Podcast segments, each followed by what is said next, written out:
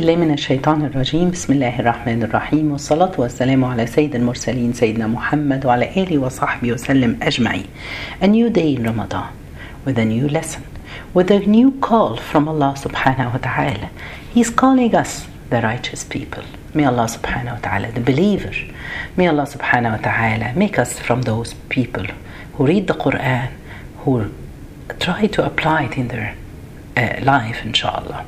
Today's uh, call from Allah subhanahu wa ta'ala, He's calling us. It's in Surah Al Tahrim, verse 6. O you who have believed, protect yourselves and your families from a fire whose fuel is people and stones, over which are angels, harsh, harsh and severe. They do not disobey Allah in what He commands them, but do what they are commanded. May Allah subhanahu wa ta'ala make us those people who do what Allah commands us. Before I start talking about this verse in details, I just want to mention something. Uh, subhanallah, for us as human beings, as Muslims, as any human being on this earth, the relationship between fathers and mothers and their children is a great relationship that some Allah subhanahu wa ta'ala since he created us he put the love of our children in our hearts the moment you have delivered your child as a mother you feel the love you feel the connection the same for the father subhanallah that's why here Allah subhanahu wa ta'ala He's talking about protect yourselves and your families. Can anyone stand anything bad about their children? I don't think so. We all love our children, we care about them. And this is something it's very important. If something happened to one of your child, of your children, subhanallah, you cannot live. If you see them success people, righteous people, they believe in Allah, they're good children. This makes your life. You're proud of them, you're happy with them. So here we, we all know this relationship. Nowadays, a lot of us, we care too much. It doesn't mean too much, but we care about our children, right? We care to send them the best schools the best universities. We hope that they will find jobs, good jobs, and they can start their own family. If you see their children succeeding, successful and reaching this, that would make you so happy. But there is something that we don't understand it properly, which is we connect or we try to concentrate on the materialistic things school, expensive school, good teachers, all these things. But we forget about other things that we're not aware of. Subhanallah, sometimes when our children they have exams and they have to wake up uh, the whole night studying, or I have to wake them up early because they want to study a little bit or revise before the test and the exams, all these things. And when it reached the point that I need to wake them for Fajr prayer, I don't do it. Why? They're so young. That's okay because he had an to study he has an exam tomorrow so I don't want him to be early to wake him early. Things are not right. We don't consider things the weight. We don't give weight on the right things. What I want to say is if we want our children to uh, uh, be good children and the good that we're talking about, it's not just with a good job or a good uh, uh, position or a good degree. No, good in the right in the in the eye of Allah Subhanahu wa Taala. Good to show for this ummah to be good members in this ummah. So today we will talk about a magical recipe of the righteousness of your kids, of our kids. You know how Allah subhanahu wa ta'ala mentioned in the Quran, in Surah Al Kahf, in the cave. Allah subhanahu wa ta'ala, when it was a story talking about uh, Prophet Musa and the Khidr when they met, and one of those stories when he found the wall and he started to build this wall and when musa asked him because those people they were so greedy they didn't even give them any food and they were so tired they didn't give them. So he asked him why did you build this wall? They don't deserve this. He told him that there was a treasure under this wall and if it was because it was broken they would have seen it somebody steal it. So allah wanted to protect this because listen to this why allah ordered him to do this? Because allah said and their father had been righteous does it mean if we want our children to be righteous, so we or good children, we have to be. We have first to be this, so Allah will protect our children. It's an in uh, uh, Subhanallah. This it's a equation from God. This is something that Allah Subhanahu wa Taala. Be good, your children will be good. Of course, it happened, and there are some exceptions that happen. It's in the hand of Allah, but we take it from here. We follow what Allah subhanahu wa ta'ala is telling us. Allah subhanahu wa ta'ala in another verse he's telling us, and let those executor and gardener guardians fear injustice as if subhanallah they their um, their generations, the children, and themselves had left weak offspring behind and fear for them. So let them fear Allah and speak words of appropriate justice. Let's be just in our life. Wallahi, Allah will protect us and will protect our children. Okay, we all try, we all uh, uh, claim that we are trying our best with our children. But it's not just easy, it's easy always to talk, but how you apply it in your life. Subhanallah, us as mothers, I'll give you some examples to see how mothers do and how mothers work. Because all of us, we think that when I take care of my children, I get them good clothes, good education, and that's it. So I did my job. And even sometimes, if I just uh, try to let them memorize the Quran, I send them to a sheikh or somebody to teach them, or I send them to the mosque, that, that's it. I've done my job. No, it's not that just this. We all have to be examples. Be, be lead by example. For example, subhanAllah, when we sit sometimes and we talk, listen and concentrate about what are you saying we keep on talking, talking, talking for thing, about things. And as we said before, uh, in a couple of lessons before, when we talk a lot, we do a lot of mistakes. We talk about other people, we backbite them, we talk negative about them. And we have to be sure the way you're talking and your children are listening to you while you're talking to your mom or your friends, talking about other friends, your children, they will do the same they will not realize that this is haram. We're not supposed to do this. And we always just want to, uh, um, uh, uh, uh, when we see something in front of, we are the smartest people in this world. We know what's going on. When I see a, a woman sitting in a taxi in front uh, on the driver's uh, the, the seat beside the driver, I would say, why is she sitting like that? Why doesn't she sit in the back?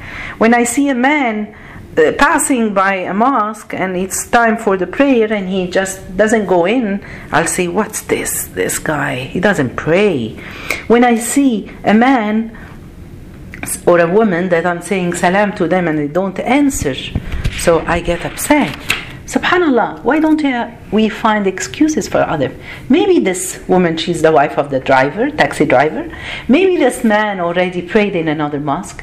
Maybe my friend or this guy that I say salam to them, they didn't hear me.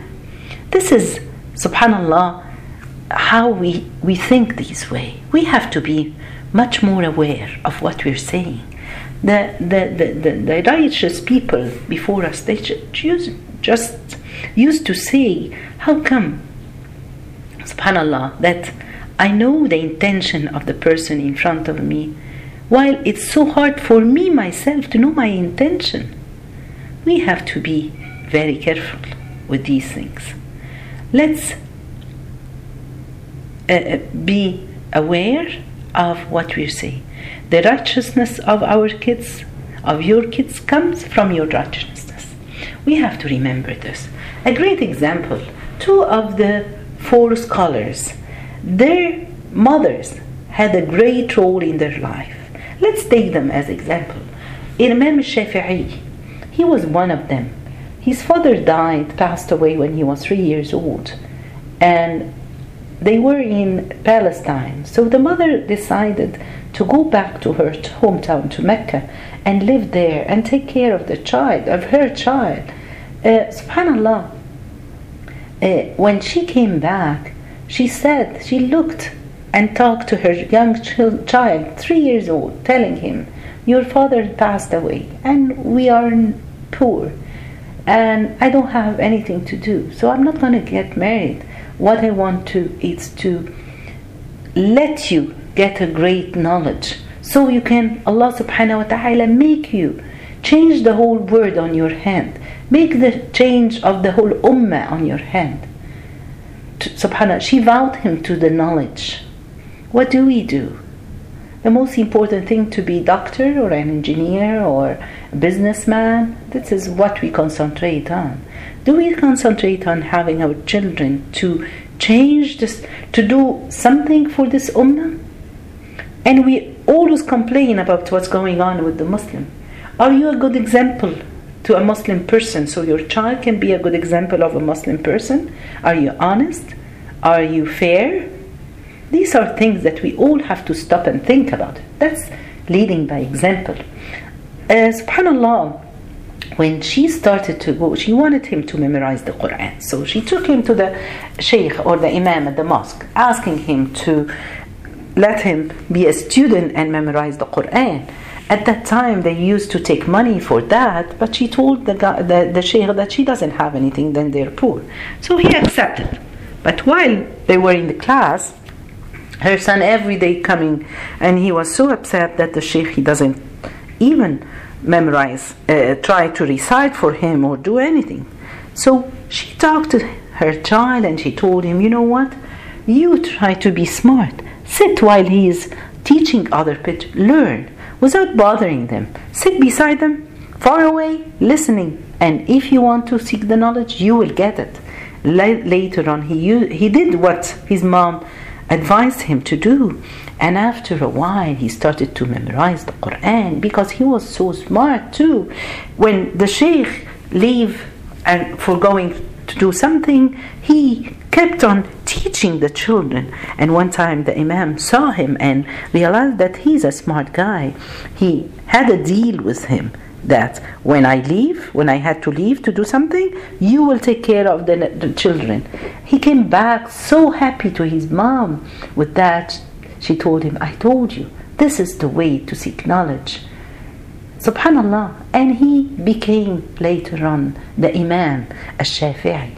This is a way. They were so poor, even when he became eight years old and he wanted to write down all what he studied, he didn't have money to buy paper. Just imagine papers. They didn't have enough money. What did she do? She used to go to uh, uh, one of the uh, where uh, the, the um, leading the, let's say it's like the um, some of the offices where they have the they throw the drafts the paper of the draft and she goes and she collect them.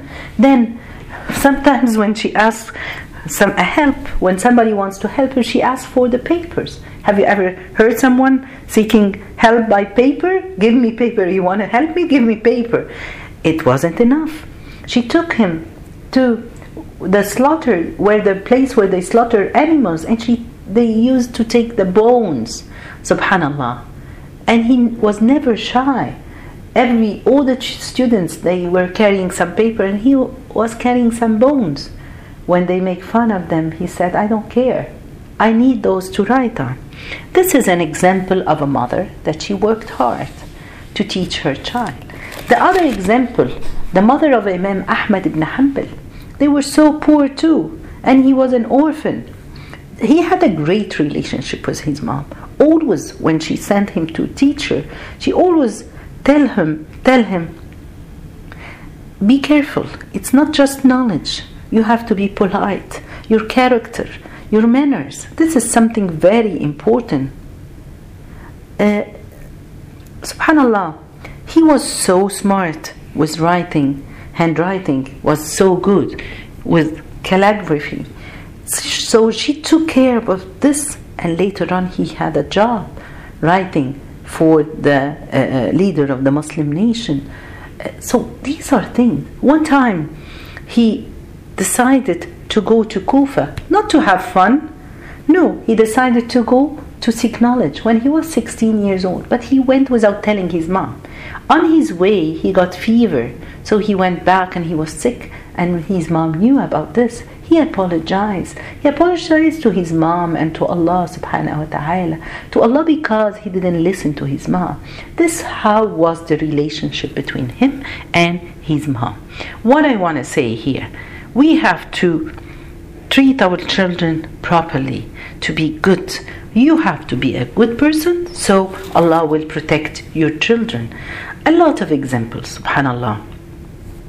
Uh, um, when we talked about the story of uh, Surah Al Kahf, when Allah subhanahu wa ta'ala mentioned that uh, their father had been righteous, some of the scholars they said interpreted that because they were the father was very honest and people used to keep things safe with him Allah subhanahu wa ta'ala protected his a treasure for his children the same way.